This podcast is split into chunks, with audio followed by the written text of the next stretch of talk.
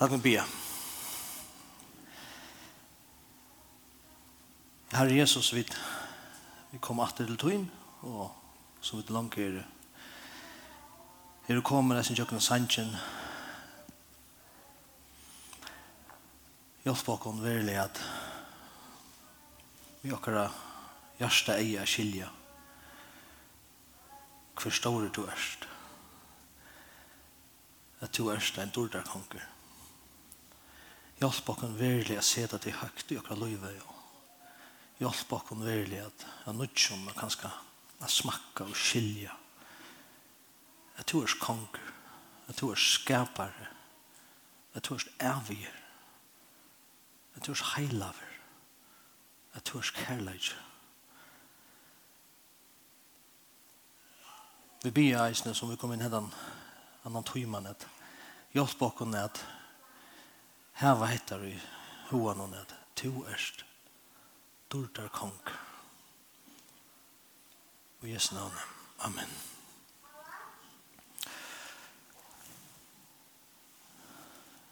Det var det neste halde, ja? Ja, det var hit, ja. Jeg har snakket, jeg har snakket på Power Week, har bare titlene på her. Ja? Tattar, det er bare tattar. Ja, du gjør det bra.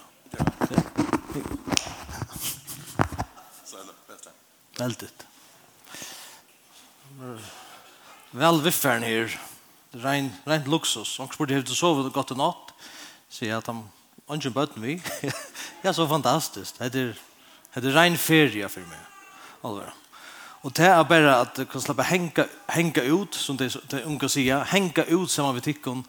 og i tvär dier. För mig är det er simpelt en rein ferie. Allvar. Og jeg, har, hvis jeg ikke har, alltså, byn haft några bibeltimmar så är er yngsta kommer jag lycka väl. Allvar. Bara hänga, vara samman och prata och sådär eh goar gamla viner. Ehm um, det är gott. Väldigt. Ehm um, Heidi blir endelig helsa til Ötlund. Eh, det skulle sagt sagt i just kvällte. Hon det så framlån i just som i rönte. Eh, så friast att att presentera för Tikom. Hon hälsar dig kunna ötlån och hej vilja kunna vara här. Vi kommer ötla i sommar, halvan juni och vera halvan annan månad. Så ta, släppa dit och njuta. Näkv den bästa parten av vår familj. Um, vi snackar just om mal, eller lära mal och, og mentan og så vidare. Vi hörde om en trobara som var färdig till Indonesien att arbeta. Så kom han hem första, det som man kallar eh, furlough eller, eller ferie, break. Jeg var her en 2-3 år. Jeg tror ble jeg lærer meg. Um, men han sier det så heter den amerikanske samkommet, han tror bare på her sier det så i, i uh, av møtet her, og så sier pastoren mot enden av møtet noen, uh, nå tar vi et heva, vi kallar han bare John, så vet du ikke hva det er, han er kjøringer. Uh, vi, nå tar vi et John, mittlokken, det er stått til å John fram, og så kan han bya av malen som han har lært hade det ringa som kan hende at man er för att lära mig all. Oh. Ok? Og han för panikk. Han sier, jeg är så lärst med alla. Men därför ska jag inte säga for samkomne som er sendt han ut. Så han sier, ok, jeg tror jeg teller på tutsch.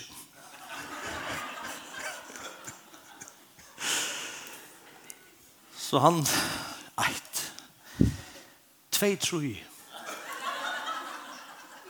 fyra, fem, seks, Tjej åtta, nudge, tudge. Amen. Så skulle han, så nekve trooper, vi skulle standa mot modell til nok snakk. Eh, særlig amerikanske sammen. Ofta i Amerika så, så skal trooper familjen ut fram och så skulle de spela instrumenter och alltså Fast det var du ödde för fra i färgen. Det är nog så. Du, det vill inte vara tro på den här tala. Det är inte fel. Alla världen så att han ska stanna ut vid dittnar. Ofta dittnar tror man ska stanna ut vid dittnar och hälsa på all i samkomne. Så kommer en med upp till han av ut som, som sa ut som av var asiate. Han kommer upp till sig igen. Tack för kväll, säger troparen. Ätleve.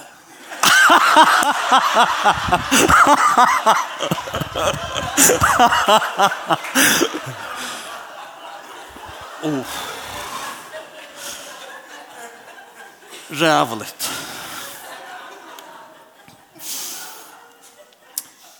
Vi tar ett gott vi kan ena chat tror på viktigt.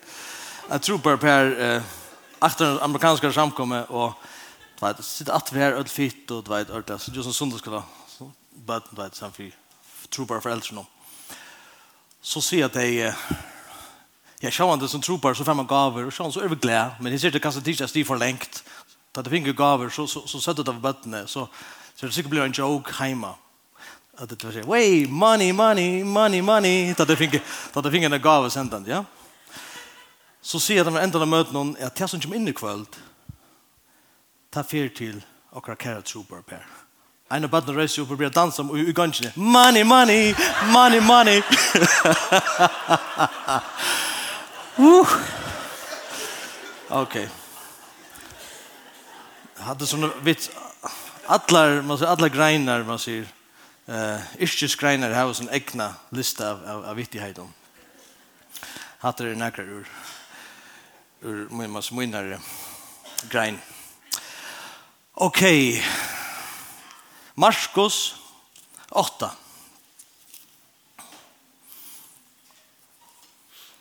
Marskos 8. Vi finner ikke atter, vi vet jo noe som heter.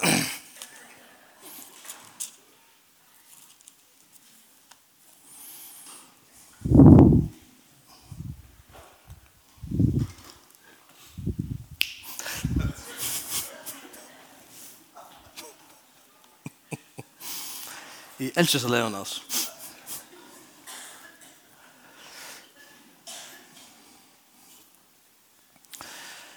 Marskos 8, vers 34, ut etter. Og han kallar folk til tilsyn, og eisende lærer svenner sønner, og sier vitt hei. Tann og vil komme at han har mer, må avnakta seg sjølvan, og teka opp krossøyn og fylgja mer. Tøyt tann som vil bjarga løyven skal missa det. Men tann som misser løyven ut for munna skuld og for evangelium skuld skal frelsa det. Kvad bedar ta hva bedar ta menneskene om at han vinner adlan heimen og bøter vi salsynet og hva må mennesker kunne djeva som vi gjør lære fire salsynet Tann og skammast vi med, og ormøyne, og i hese åtrykve, og syndi at. Han skal eisne menneska sonen skammast vi, da han kjemur ui årjokken, dord feiersyns, vi hinnom heilove einglenon. Puha. vi da ser fra første tøyma at Jesus er dordar konger. Ok? Og det er rønt av skilt hva det mest er at at her var samfunnet, eller fylkjast, eller ferast vi er noen dårdar konja. Nå sørger vi Jesus som som tænare. Menneskjøsonen, kongren, kom ikke ved tantum, men at tænare Og i versen hon sutja vid er sinter av hva det mestjer er fylltjast vi Jesus som tænare og det som han kallar okkur til. Lærersvenner var, lang, var langt kattleir. Da så vi det i kapittel 1, eller vi det ikke, men det er i kapittel 1 og 2. Han kallar der, tar færa fra, fra, fra tar aktiviteten som fiskemenn og fylgja Jesus. Tar enda sender ut i kapittel 6. Han sender der ut og gav dem en eh, vald i, i et eller annet. Så det som vi tar som her er ikke hvordan kommer en til trygg, hvordan blir en rettvistgjørt. Ok? Men allikevel, hvis vi skulle være trygg vi måte teksten om, og trygg vi måte teksten av alle biblene, så halte jeg at en som Kalven sier det vel. Han sier, vi er rettvistgjørt, av trygg eina. Men ikkje av en trygg som vil verande eina. Er det enig snær? Vi er rett og slett av trygg eina, men ikke av en trygg som vil være det eina. En verilig trygg fer at suttjast. En verilig trygg fer at uh, produsera gode gjerer og brøyding med liv. Hvis det trygg er verilig. Og til det som jeg alltid er at Jesus og Jesus versen om Jeg var øyelig hod ikke hans versen at jeg var yngre. Men jeg var innrømme at nekv år har vi vært mer hod ikke av rettforskjengene, rombraunen, det som det er i Kristus, som er så og avmetelig dårst, og tid er ferdig jøkkene, vi, vi gikk vann i rombrav til dømes, og galaterbrev i eisene, som tås om, vi er at skikv. det er ikke vi akkurat gjøre, det er ikke evangeliet er ikke gå ra, evangeliet er gå tvind. Vi kunne takke mot dem, eller vi kunne række dem. Evangeliet er som Jesus er vi gjørst, for okken, ikke det som vi kunne gjøre for Jesus. Ok? Men, hvis vi er veldig rettforskjørt, og er, heter for meg være oppforskande, enda nødgjande, jeg fer jøkken etter atter, jeg minnes det, ja, det passer, vi er rettforskjørt at trygg for ene. Men som tryggvande, er vi reisende kattleie til et liv a liva ørvise enn det som vi sitter hjemme utan om oss. Det er ikke min år. Det er dere elsker Jesus. Ok? Nu byrjar okkar fer, kunne vi säga vi måtte krossa noen. Og Jesus sier vi okkar ok, til till att at det er konger. Jeg er dårdar konger som er stigen inn og tykker tykkere tilvære. Og nå blir jeg tykkere fylkja mer. Hva merker det?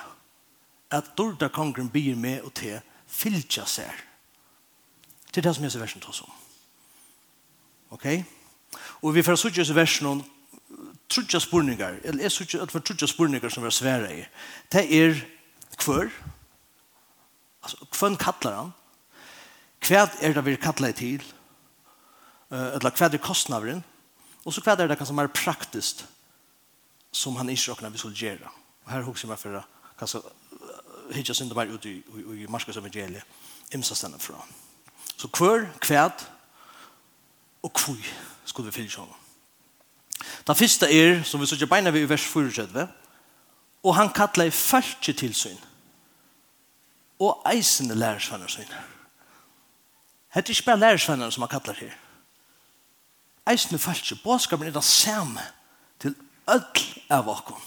Hette er ofædelig område skilje etter. At tjene Jesus er kongenon er ikke bare for noe få å gjøre. Jeg vet ikke, jeg, jeg vet ikke hvordan akkurat jeg som er løvden, nå er vi her sammen som løvd, jeg vet ikke akkurat hvordan løvden er, om, om negv henger av faven her og så videre, at de er lukket som Hvis løvden er en også typisk samkomma, så henger ølen jeg av favon her. Det er pura skreft. Han kallar i alt første til sin og lærersvenner. Og så sier han, jeg har nattet det sjolvan, tak opp krossmån og fylk med her. Vi er ødel inkludere i og i hettar. Men du sier, ja, men Jeg leier bøttene, eller det er ikke bøttene er til sundagsskola.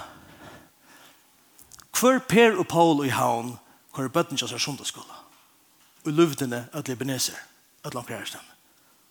Det sier ikke om ditt andre liv. Det er ordentlig godt at du kommer bøttene til sundagsskola. Halleluja! Men det sier ikke om det. Jeg kjenner folk, eisen i havn, som slett ikke er tryggvand. Men det er leie bøttene til sundagsskola. Jeg vet ikke om du fyllt mer. Ok? Alle er gengar møte. Det er ordentlig godt at du gengar møte. Men det er ikke det som Jesus kallar det til. At gengar møte kan hver pyrre på gjøre. Eller Asa og Sara, for jeg kjenner balansen ut. det kan ødel gjøre. Men at jeg var nok til seg selv, teka opp krossoin og fylte Jesus Det er det som vi ødel er det kattlet til. Ikke bare Jekvann og Anna og, og så hine som, som kanskje er framstande i samkommet. Ødel. Og at det bådskapen som, som Jesus, som konker, eh, kommer til. Så hver? öll, öll. Hvis du er en tryggvande, så er du kattlaver at jeg var nok til deg sjolvan teka opp krosstøyen og fylltjast, eller ferast vi Jesus. Ta nasta er kvært er kostnaveren, eller kvært er det, kvært er kattle, hos sier selv om. Og her sørger vi tru ting, ok? Det er stadigvæk i, i, i, i vers 4, og han kattler i første tilsyn, og eisne lærersvenner, og sier vitt deg, Tann og vil komme at han av mer, må, for det første, avnokta seg sjolvan. Hatt er kosen. Teka opp krossuin. Hatt er kostnavren. Og fylltja mer. Hatt er kongsboin. Ok? Avnokta seg sjolvan. Teka opp krossuin. Og fylltja mer. Da den teka etter sen. Avnokta seg sjolvan. Hva mersker det? Det er å si at hette er ikke mot. regeln som, som befinnes i som kroppen og i jeg var føringer ikke mamma min 45 torsdagen vi ser helt her pappa min bare bare skjedd trus far dette er ikke mye og det som heter lika med og mot hold troer etter jeg er ikke vet det som ligger kost om min liv men jeg var nok det her ok ok? Jeg kan nevne Jara, vi du snakke om at det er aha versta for jøkken ja, usse sferene, jøkken øyemørsene. Og jeg begynner å lese uh, uh, fjørebok, fjøremålsbok, flere ferene. Um, og jeg har langt flere tankar, men et eller annet sted skal jeg alltid, jeg følte så jævla størst, og nok så negativt. Det var sånn tungt. Så jeg feil alle døgner, ja? Men det er ett som, som er, er, er, mest til, som er leser i Jøkken om fjøre Mosebog, da jeg ser folk færre ur Egyptalandet og blir færre som hadde kanan. Eh, Det er det, at det tog god å bare fjøre det tøymer det tog god å bare fjøre det tøymer at få Israelsfolk ur Egyptaland. Og vi vet, da, hvis vi kallar det i konteksten av alle Bibelen, at, at, at Egyptaland er en mynd av heimen om okkara gamla liv, ha? Og kana er, er, er kom inn i det fullkomna, inn i det nudja livet. Onkur vi setter himmelen, ödle for en ta nudja, færa fra heimen og til gamla livet og så lukum vega seg og komme inn i det nudja. Da tar seg ikke om å komme inn i en nudja livdebygning, men vi kan godt iføra det på tammadam. Det er som vekkurst. Men færa fra heimen og komme inn i det nudja livet, ja? Det tar god fjörde timer å få Israelsmän ur Egyptaland. Men det tok noen fjørde år å få Egyptaland ur Ursas mann. Gjør det mening? Fjørde timer å komme få Ursas mann ur Egyptaland, men det tok noen fjørde år å få heimen etla Egyptaland ur Ursas mann. Og hatt er satt av nekven av kom. Er god med ommater og ommater, bråta hatt han nyer som er vil, Møyner, altså det er godt av å drømme, det er ordentlig godt av å drømme, men det må være i, i samsvær ved det som Jesus ikke firmer. Hvis du møyne drømmer, og det er for handa ved, så er det skreft. Det er å vende vi, du måst avnokta til sjolvan og til som nu to atleie gjerra utan god og legger det til suyes avnokta til sjolvan og til legge det noe kås ok? det er det første at vi doa at vera ui heimenon, men ikkje av heimenon, som Jesus sier i, Johannes 16. Så kosen, den neste er, han vil komme at han har med meg til seg sjølvan, og teka opp krossen. Nå fer jeg inn av altså et evne till bit av högna upp här. Det är ordentliga heimavandra högna. Passa skäckne. Amen. Alltså, nu kan vi ordentliga boltrottar. Nu är det högna lite. Eh, Han er bare mer hard enn det. Ei. Um, vi har ikke nok arbeid vi arbeid som gjørs. Så kommer detaljer, så mest alt her. Uh, at uh, at teka opp krossen hva merker det? Krossen er bare et symbol for den romverska deia. Og de hava seg, og lærer seg når de seg, folk vil se krossen stand her, og kanskje de for at King Adam, er det blir nye.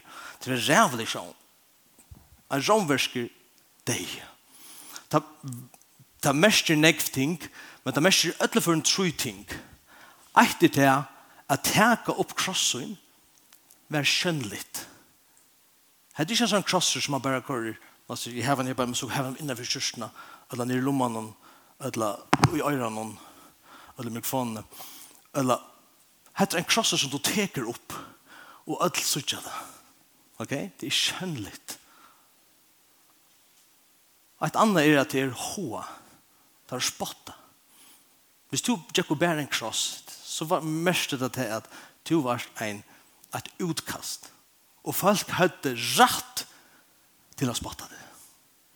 Jeg vet at vi som samkommer, og som trykker under i følgen, kanskje akkurat nå er det under syndere av eh, agentje, eller kritikje, og så videre. Men ta, hadde det rett å gjøre det. Det er faktisk rett å gjøre det enn. Det er skönligt. Det kan spottas. Og et annet er at ta to bär krossen så var dette enden av tær. Du spyr av genga at den egne gjerra fyr. Måte tunnare grøv, tunne krosse.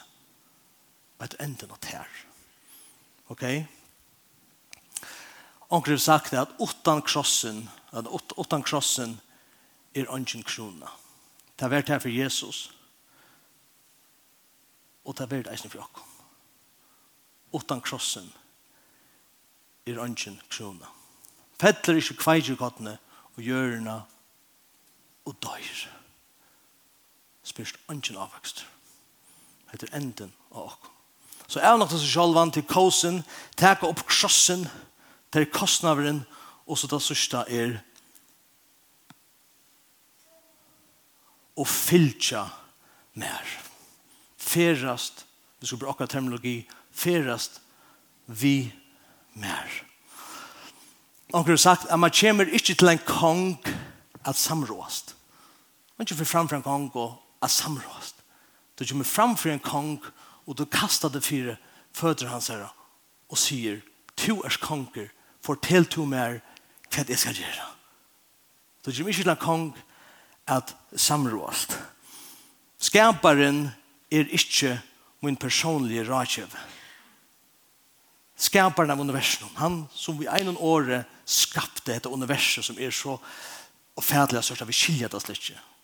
Eh, du skal gå bare snakke om det. Så bare akkurat pikkel til galakser som er obetøyelig i universum, Og det er 200 000 år fra einar suje til hina sujina, om vi fyrir så kjøtt som Jose, det var akkurat galaksa.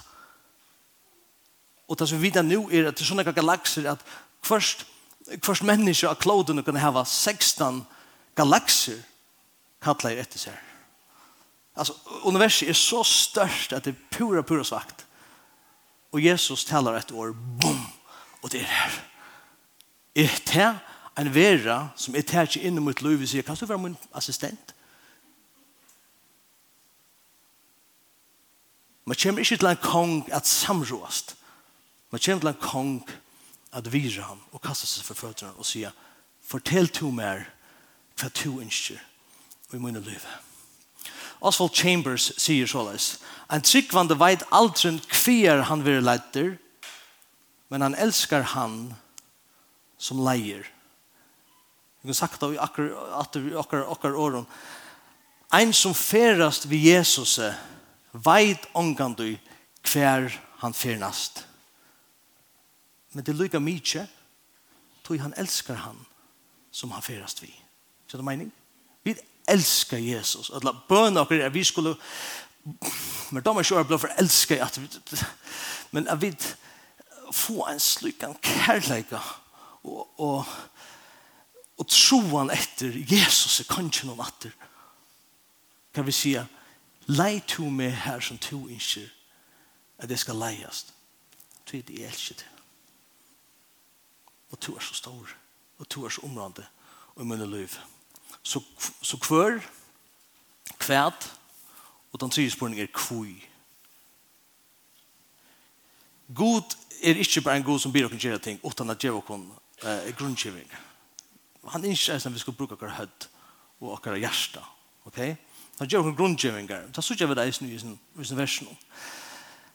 Fra 35 vi ut etter. Han gjør noen flere grunn. Vi vil ikke gjøre et eller annet med nøkene av dem. Hvor skal vi gjøre dette? Tøy. I vers 35. Tøy tann som vi bjerga løyven om skal missa det. Men tann som misser løyset for munna skuld og for evangelisk skuld, han skal frelsa det. Og så er det lydig år som er vekk i omstillingen av føreskånd. Til tui. Det er faktisk et tui framfor, ødel bei 6, og 8. Tui kvad bedre det menneskene om at jeg vinner at han hjemme man bøter salsynet. Sier det, tui kvad man mennesker kunne gjøre for hvile for salsynet, forstått det, tui tann og skammast vi med, og ormøyne, og jeg sier synd det at han skal lese mennesker sånn og skammast vi, da han kommer og i dørt færsyns, og vi er en heilig og enklom. Vi tar noen grunnkjøvinger her på en. Fui. Ok? Hva er det som Jesus kallar oss til? Han gjør oss i høvdsetten tver grunn. Ok? A liva fire se, for mye skuld, missa alt for mye skuld, og så for evangeliens skuld. Ok? Skammast vi med, og skammast vi ormøyne. Så er det samme. Så ett kommer vi si er er det, det praktiske, eller at hjelpe, at tjene, og så videre, og hit er evangeliet Jeg får noen forståttlegger, det er, er faktisk årblind. Hette er sånn leva, kan vi det bare sammen, så kan man si alt da. Jeg er sjakta hvis det er samfunnsmøter også. Jeg er jo årblind. For det er det jeg sier ikke. Men nå er vi familie, så jeg sier det. Det er mest bare til, ja, det er mest for det første, jeg er ikke bytter. jeg er slett klokker, men jeg er bare myndelig. Men jeg har troblägge, hade jag man blivit blivit mauer, leser for nek. Så jeg må man Nek av bøkene som jag läser, jag läser faktiskt inte etter. Um, og jeg fær mer innta i sutje. Jeg må ha farver og alt skal være Men da må bedre ting at ting er interaktiv og så videre. Um, det er ikke en troblad som årbent. Særlig ikke akkurat hjemme det. Men det som jeg gjør, jeg får Jøgner Markus. Jeg får Jøgner Markus, jeg vet ikke ofte jeg lyste disse sørste vikene. Um, Um, og vi farver blodjant om man iver. Alt det som Jesus ger, at han tjener, og til under, til å reka eller andre ut, til å hjelpe, til å nema vi oss vi er. Hvor det rei om? Kærleik. Ha? Hjelpe. Og så hit, da han tåser om året, han får prætika, tala, evangeliet, Hvor er det i grønnen? Takk som vet, vøkster et eller annet. Det er ikke for meg. men Du kan vet ikke egne farver til gjør. Men det var stått litt. Så får vi bare atter jøkken bare hukket ikke noen søyen. Utan å lese søyen her. Hvordan er det alle tøyner der i ivigengest? Rett. Grønt. Rett. Grønt. Om det var det sammen. Han sier så Jesus sier, han tog hjärtla synd ut av mun, så han får gjøre dem føy. Nei, han tog hjärtla synd ut av mun, så han får lære deg. det skjer man. Men det ganger hånd i hånd til mitt poeng. Det som er tingen. At tjene, hjelpe, elske. Men så er det ikke evangeliet. Ok? Så det er grunngiving. Arne sier det, um, han sier noen ting, noen som hører ting at vi har misset livet, har bjerget livet, og så videre. Um, Tim Keller, en pratiker med oss mer vel, han sier det på hendermaten. Han sier at De som vil leva for hetta løyv i eina, det vil si ikke himmelen, ikke for det kommende, de som vil liva for hetta løyv i eina, missa bæge. Bæge heter återkommende. Men de som vil leva for det kommande, vinna bæge. At det vekst. Kanskje ikke rydgjødømme, kanskje ikke store skatter, kanskje ikke er størst navn, Men de som vil leva for det kommande, de vinner bæg. Bæg er det kommende, men eisen er etter liv. Et meningsfullt liv sammen med Jesus og i hese livet. Um, jeg gjør nok det vi, vi, vi bøttene kommer ser at det er løytil, det er ikke så det blir stor, så blir det uh, klokere. Um, men halte en, en, en, en pengasegel framfor dem, og så, og så en, et bom med slikkebinn. Förstå att jag gjort det nu. Jag vet om skyldig jag hade blivit så banalt att, att jag förnärmer några akademiker bara nu. Sorry. och resten av oss. Vi ser helt en, en, en slickepinn här på en och en check på en miljon och bjöd en badne fram. Vi vet inte vad badne är tid. Ha? Det heter slickepinn. Det där skiler inte för att den checken här på en kunde det kjett bomb för att löjva. Men jeg halte jeg vid anket tog. At det lagt støy, men anket tog gjør jeg vid akkurat det samme. Beliva for det nu. Det som ser godt ut, beint nu. Det som smakker godt, beint nu. Og lever ikke for det som hever ævet vire og, og endelig størst vire. Gjør det mening som jeg sier her? Ja, det håper jeg. Det var så simpelt eh, eksempel. Uh, ok, Han sier arvi for kanskje ikke noen favons praktiske ting. I du selv var praktisk, men skal røyne. Um, Arne, vi vil gjøre det så, så en ting så hadde mamma skiljet. I bare så med teksten her på en. Han sier, han som vil vinne, når bjerga løyvesunnen, skal missa det, men han som uh, misser løyvsut for møyna skuld og for evangeliumskuld, skuld Hvordan henger det sammen heter vi at er vi tjener og vi taler? Så klikker det knappt, ja. Nemlig. Det heter, heter Jesus gjør seg til eit vi til menneskene som er tjener. Skjøtter mening? Jesus gjør seg til eit. Da vi tjener omkron, da tjener vi spørre Samal, eller Asa som strøy.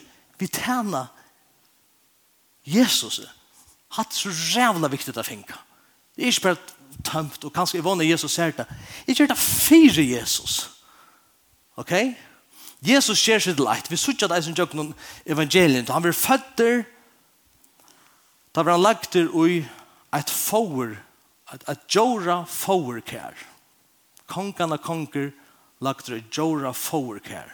Vi kallar det kruppa, men det er kanskje fremmant år. Da han var skikken av tempelen, så tog foreldrene til noen tver duer som offer. Det var bare folk som ikke hadde råd til å kjøpe et, et ordentlig offer. Som han ferdes rundt, så hei han ikke. Han var heimleiser. Jesus var heimleiser. Ta han ferdes rundt. Revar av håler, fuklar hava reier, Men menneskesonen hever ikke til at hadla høttesynden at. Han blev heimleiser. Så man kommer mot enden av livet når han kommer til Jerusalem, så røyer han inn i Jerusalem og er en esle som er lant. Han atter til kjemkong. Så der skulle eta sånne sørste kveldemåltøy, ta eta der i en rome som er lant. Da han vil begrave over, så var han lagt ur en grøv som er land. Han heier ikke. Jesus gjør seg vi eit vid han som er veiker. Han som lojer. Ok? Han gjør seg, han, han, han sitter for nye. Jeg minns da vi får etter, eh, da vi møtte Megan og Trisha, som er akkurat adopterade ved jenter.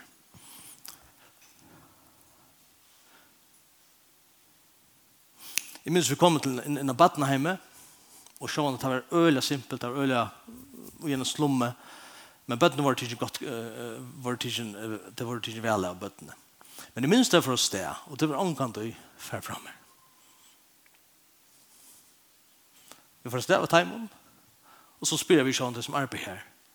Um, hva er tingene sa dem? Og jeg minns at noen har hukket til dem. Tingene? Tingene? Krafting. Men jeg har ikke noen leiketøy eller noen tål et eller annet. Nei. Det er jo ikke. Så Trisha og Megan for å sted bare ved klæren og sånn der røy. Det var ikke mer. Det var det. Jeg tror ikke henne altså dukke, men det er en dukke som vidt etter sendt henne. Da Jesus var krossfester, da ble kjølt klægene til fra ham. Og der kastet av lot om klæger hans her. Jesus var fatakar enn mekan og trysj. Dordar henne konger. Nætjen an kross. Så da vi tjener Minns du Jesus i Mattias 25?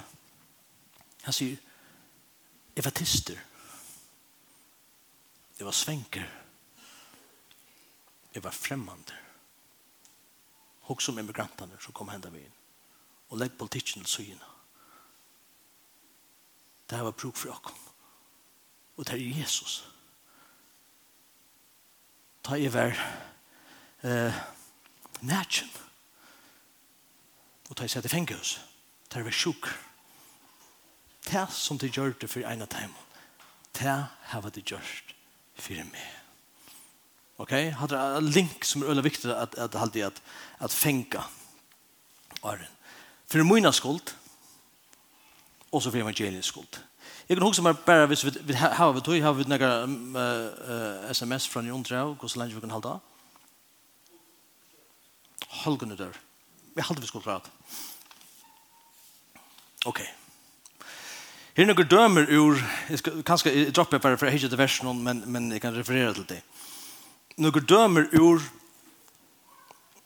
Marskos evangelium, hva er det mest at tjene, ok, at hjelpe, at elske, at røkke ut.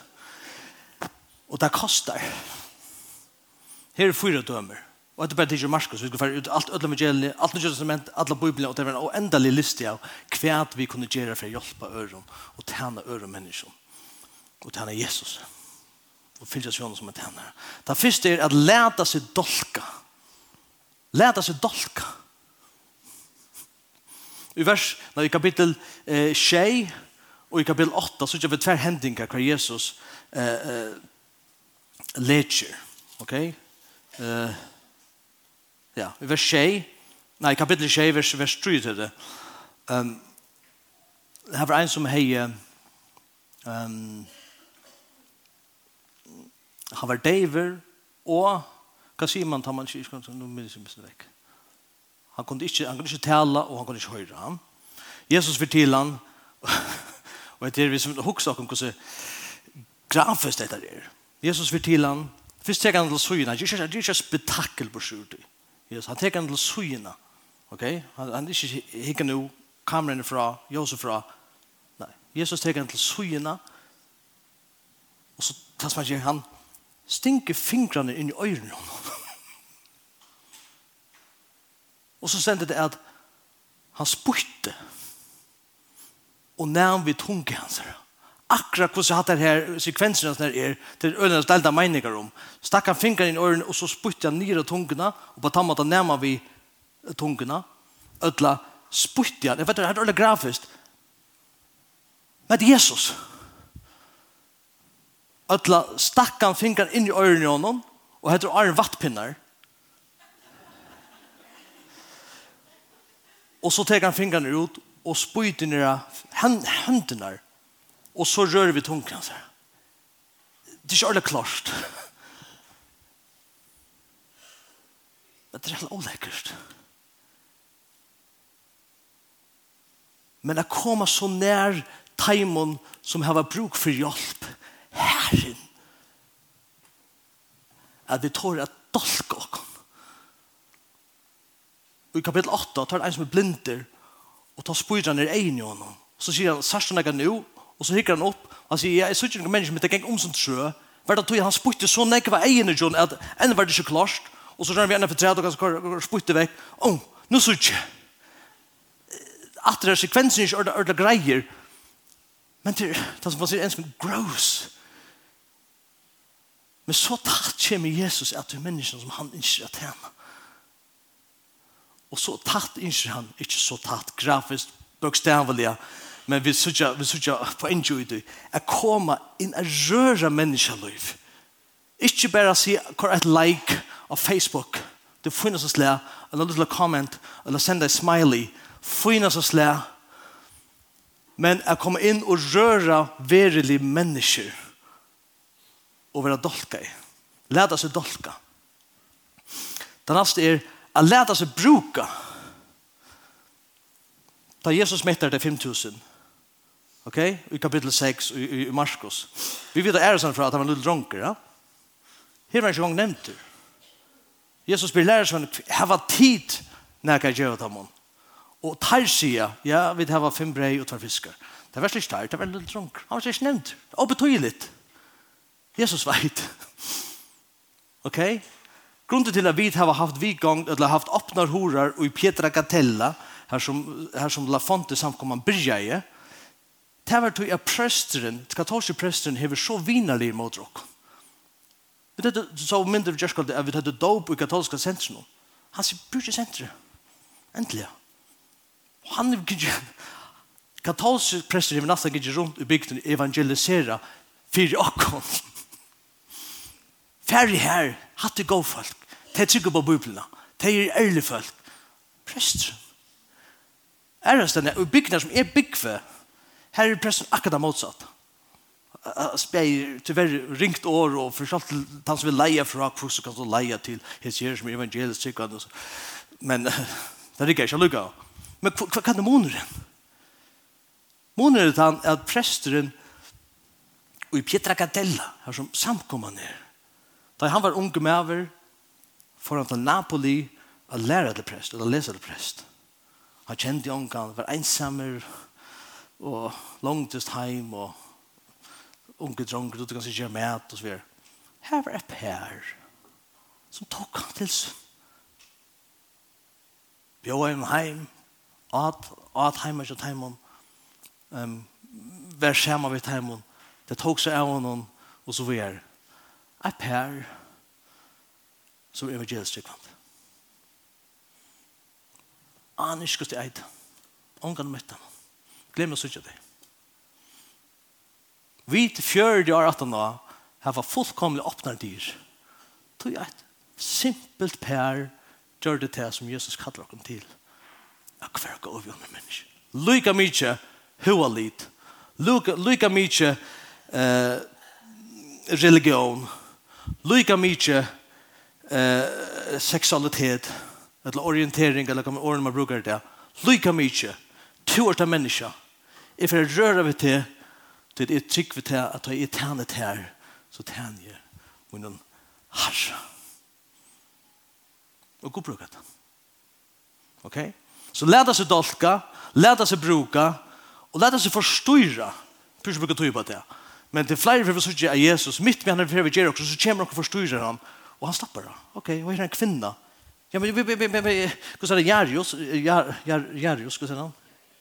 Ha? Jairus. Jairus.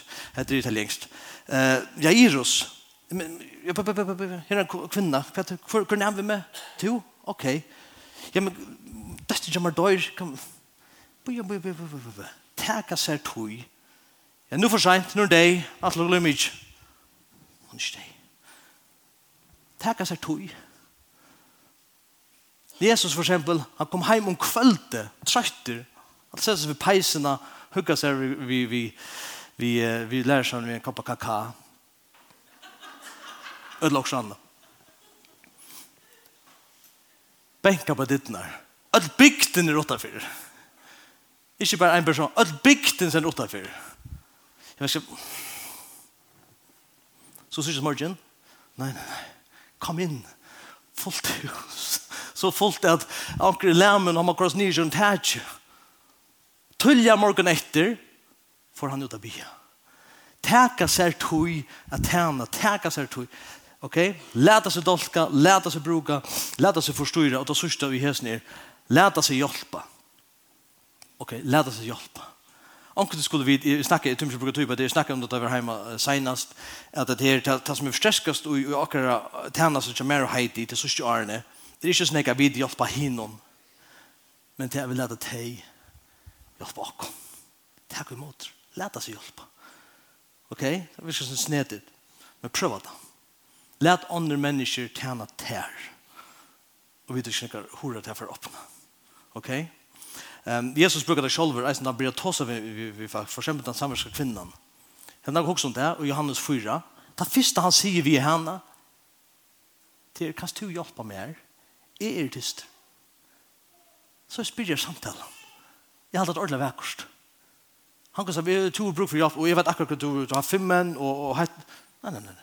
Samtalen börjar är nog tyst. Kasta gömmer sin räcka. Sörst du. Läta sig hjälpa. Okej. Okay. Jag att brukar sin tog på eisen heter här eh, kan man säga kimparst. Att tärna det är så viktigt. Men hit är att tärna.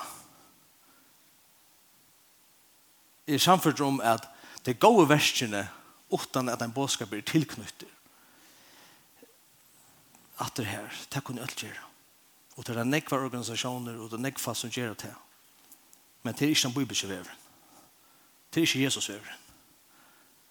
Jesus veveren er for mina skuld og for evangeliens skuld. Det henger sammen. Og jeg vil si at det henger sammen kvart om annet Men prioriteten er bådskapen. Prioriteten er bådskapen. Jesus, der kommer til Jesus i kapittel, i kapittel 1. Øtt spyrir etter, han gjør som mirakel. Øtt spyrir etter. Jesus sier, ja, han gjør som mirakel. Så la oss være atter, gjør mer mirakel. Øtt spyrir etter. Jesus sier, let dere fære til hina bygdene her rundt om. Så jeg kan prædika hervi til det tog at jeg er kommet. Ok? Hjelpararbeid er veldig. Miraklen er fantastisk. Men prioriteten er at folk kunne høre evangeliet. Ok? En som heter uh, Dick Lucas, som hever uh, Jøkkenkinje, Markus evangeliet, flere fyrner, en som er nere i London. Han, han sier som døme, han sier, let dere ta til døme for eksempel vid den lammende mannen i, i Markus 2, som ble så inn i Jøkkenkinje. Og så igjen Jesus sier, synd du dine fyrtjivner. Og så reiser han seg opp og fyrir sted han for heim. Han sier, let dere ui med dere han var her. Og det spørste han, kvært vær større for det? Nå i det, 2018 da. Hva var større for det? At du var slekter fysiskt. Ødla til at du nå har brukt 2000 år sammen med Jesus. Deier. Ødla. Ute kommande. Vi råkar svære över obvious. Det var veldig at Jesus lekte meg Jag kunde nog gänga for først for. Fantastisk. Men det var bara nåd i hans här samfärd i 2000 år. Jeg har nesten glemt hit at det var det. At det er fantasi. Men det er interessant. Okej. Okay. Det som, det som er utfordringen til okken, vi i evangeliet, og kanskje vi kan tenke, att en ting som er, er nå det meste vi her, til samtalen Ok? I, i måltidene, eller middelbibelen, så det for meg er, altså, det er simpelthen goff. Ok? Så hvis jeg sier också som du ikke er enig i, eller sier också som kan misforstandes, endelig sida. Att när bor i Italien 15 år så blir man också harskakar Det italienare är bom alltså alla tyner som man är man er vandrer man så ver boxekamp och så vidare. Så äntligen alla bare akkurat som kanske över röst och så vidare. Samtalen där. Eh men vill bara säga till er att det är ringt det er ringt at tala år. sig Gud visst det är en vi med Det er så jag nämnt jag vet inte det det näck nämmer at hjelpe akkurat Men att ta till det støyker det för jeg fortelle deg om Jesus. Det er näck verre Jeg vet ikke, kanskje eller for meg er det nekver. Um, jag är hun er sånn amerikansk, og i Amerika, hvis ja, ta kattler man svigerforeldrene, alltså for mom and dad. Mm? Så faktisk, et eller annet sted, så vantar hun, hun har alltid vanta, men stadig skuffa, at jeg skal kalla henne mamma. Jeg klarer ikke å si det. Jeg klarer ikke å si at jeg har en av mamma og drag for godsen. Hun bor i Brettsberg og fyra i Gundadal. Det er, ah, mamma, hva sier du det da? Nu er han kvinnan der som er rævla god vi, som har halvdig opp alt det, opp alt det, det, mest fantastiske kona i, i verden halvdig er. Er, uh, så Heidi, ok? Og det var, jeg klarer ikke å si det. Jeg har angst å si, hei, Kathy, Eller hej mamma. Jag kallar bara mamma. Jag klarar inte att säga mamma. Hade det samma vi också om vi kvarsta vi skulle Jag klarar inte. Jag kunde så väl huxa mer. Jag har vinarbond och känner flera folk som jag vet inte tycker men att Mm. Helt hjälpa dem.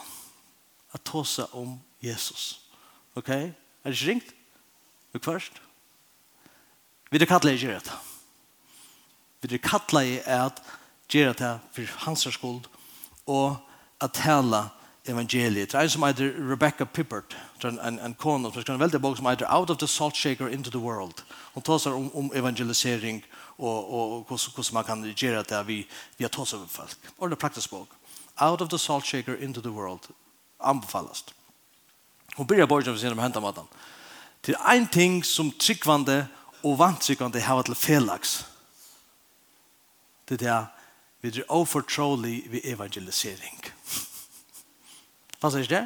Det lyger onaturlig for okken at ta seg om Jesus som det er onaturlig for de som ikke trykker at høyre om Jesus. Vi, vi bæger, bæger parster mister oss vidt. Det som en annan sier, som er en bok som heter The Art of Non-Evangelization, han sier at ødelføren blir på hendet maten. Snakka om det som du elskar. Gjør det personligt. Jeg har unga trobeleggere at oss om hape. Heien. Amen. Nei, det kan vi ikke er heien spalte saman. Han, han tjekkar mine og, og, og rann og iskore mal. Takk heien for at det går innleggende. Mamma tjena. Habe, herrans bæltfinnan, sier han. Nå får alle på ubedum bare sier.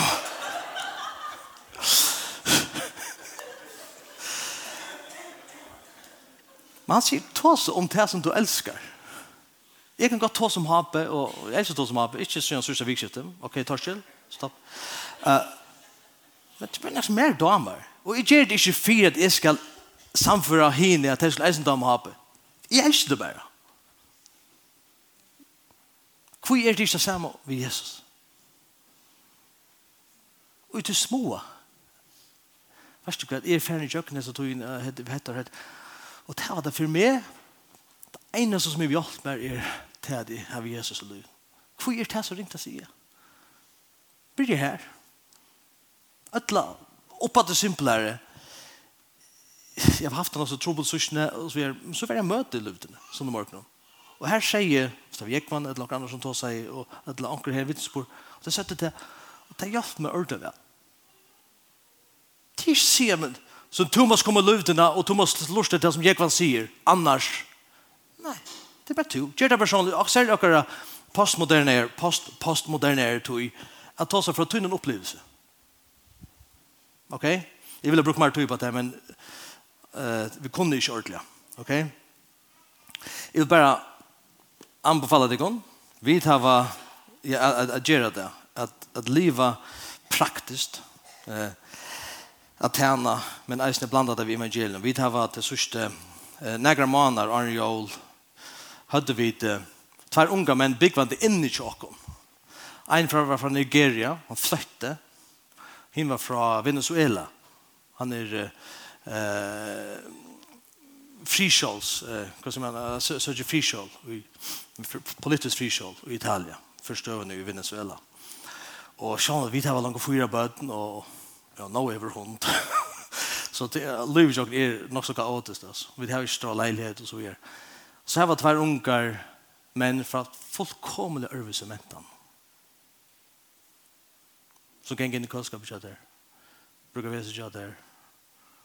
Og sitte oppe, lekte og kvalte hver du nok som var sindre ensam eller stovene og alt det. Jeg sier ikke etter for at reipa, eller sier, gjør det som er Hva for jeg sier? Det var så rukt. Det var så rukt. Vi lærte så nek. Bøttene sakna der. Det er flott ut nå. Vi sett i ena treet, og heter Jim til året evangeliet, regen, bom. Godt bygger vi her, men vi kvann morgon, halv og nødje, så sitter vi rundt om kaksbordet og leser Bibelen. Er du vi på det? Ok. Hette det mest fantastiske bøypeletimmene, og, og bare lesner i kjøkken og suttja teir, annan koma til trygg, og hin og bæir, bare vekse trunne. Det er så reala simpelt. Tyverre, jeg vet ikke hva til fyrre, men i, i Italia, tyverre evangeliske samkommer, 18 og 1, 4 og 2 etter, stondja dittnar. Nei, hos immigrantaner hadde ikke rett. Vil ikke hava der her. Nastan kora skjelti opp hver er Kristus kærleikken og jæsen her? Det var fremmander og det tog imot meg. Herre Signus og Dår. Amen.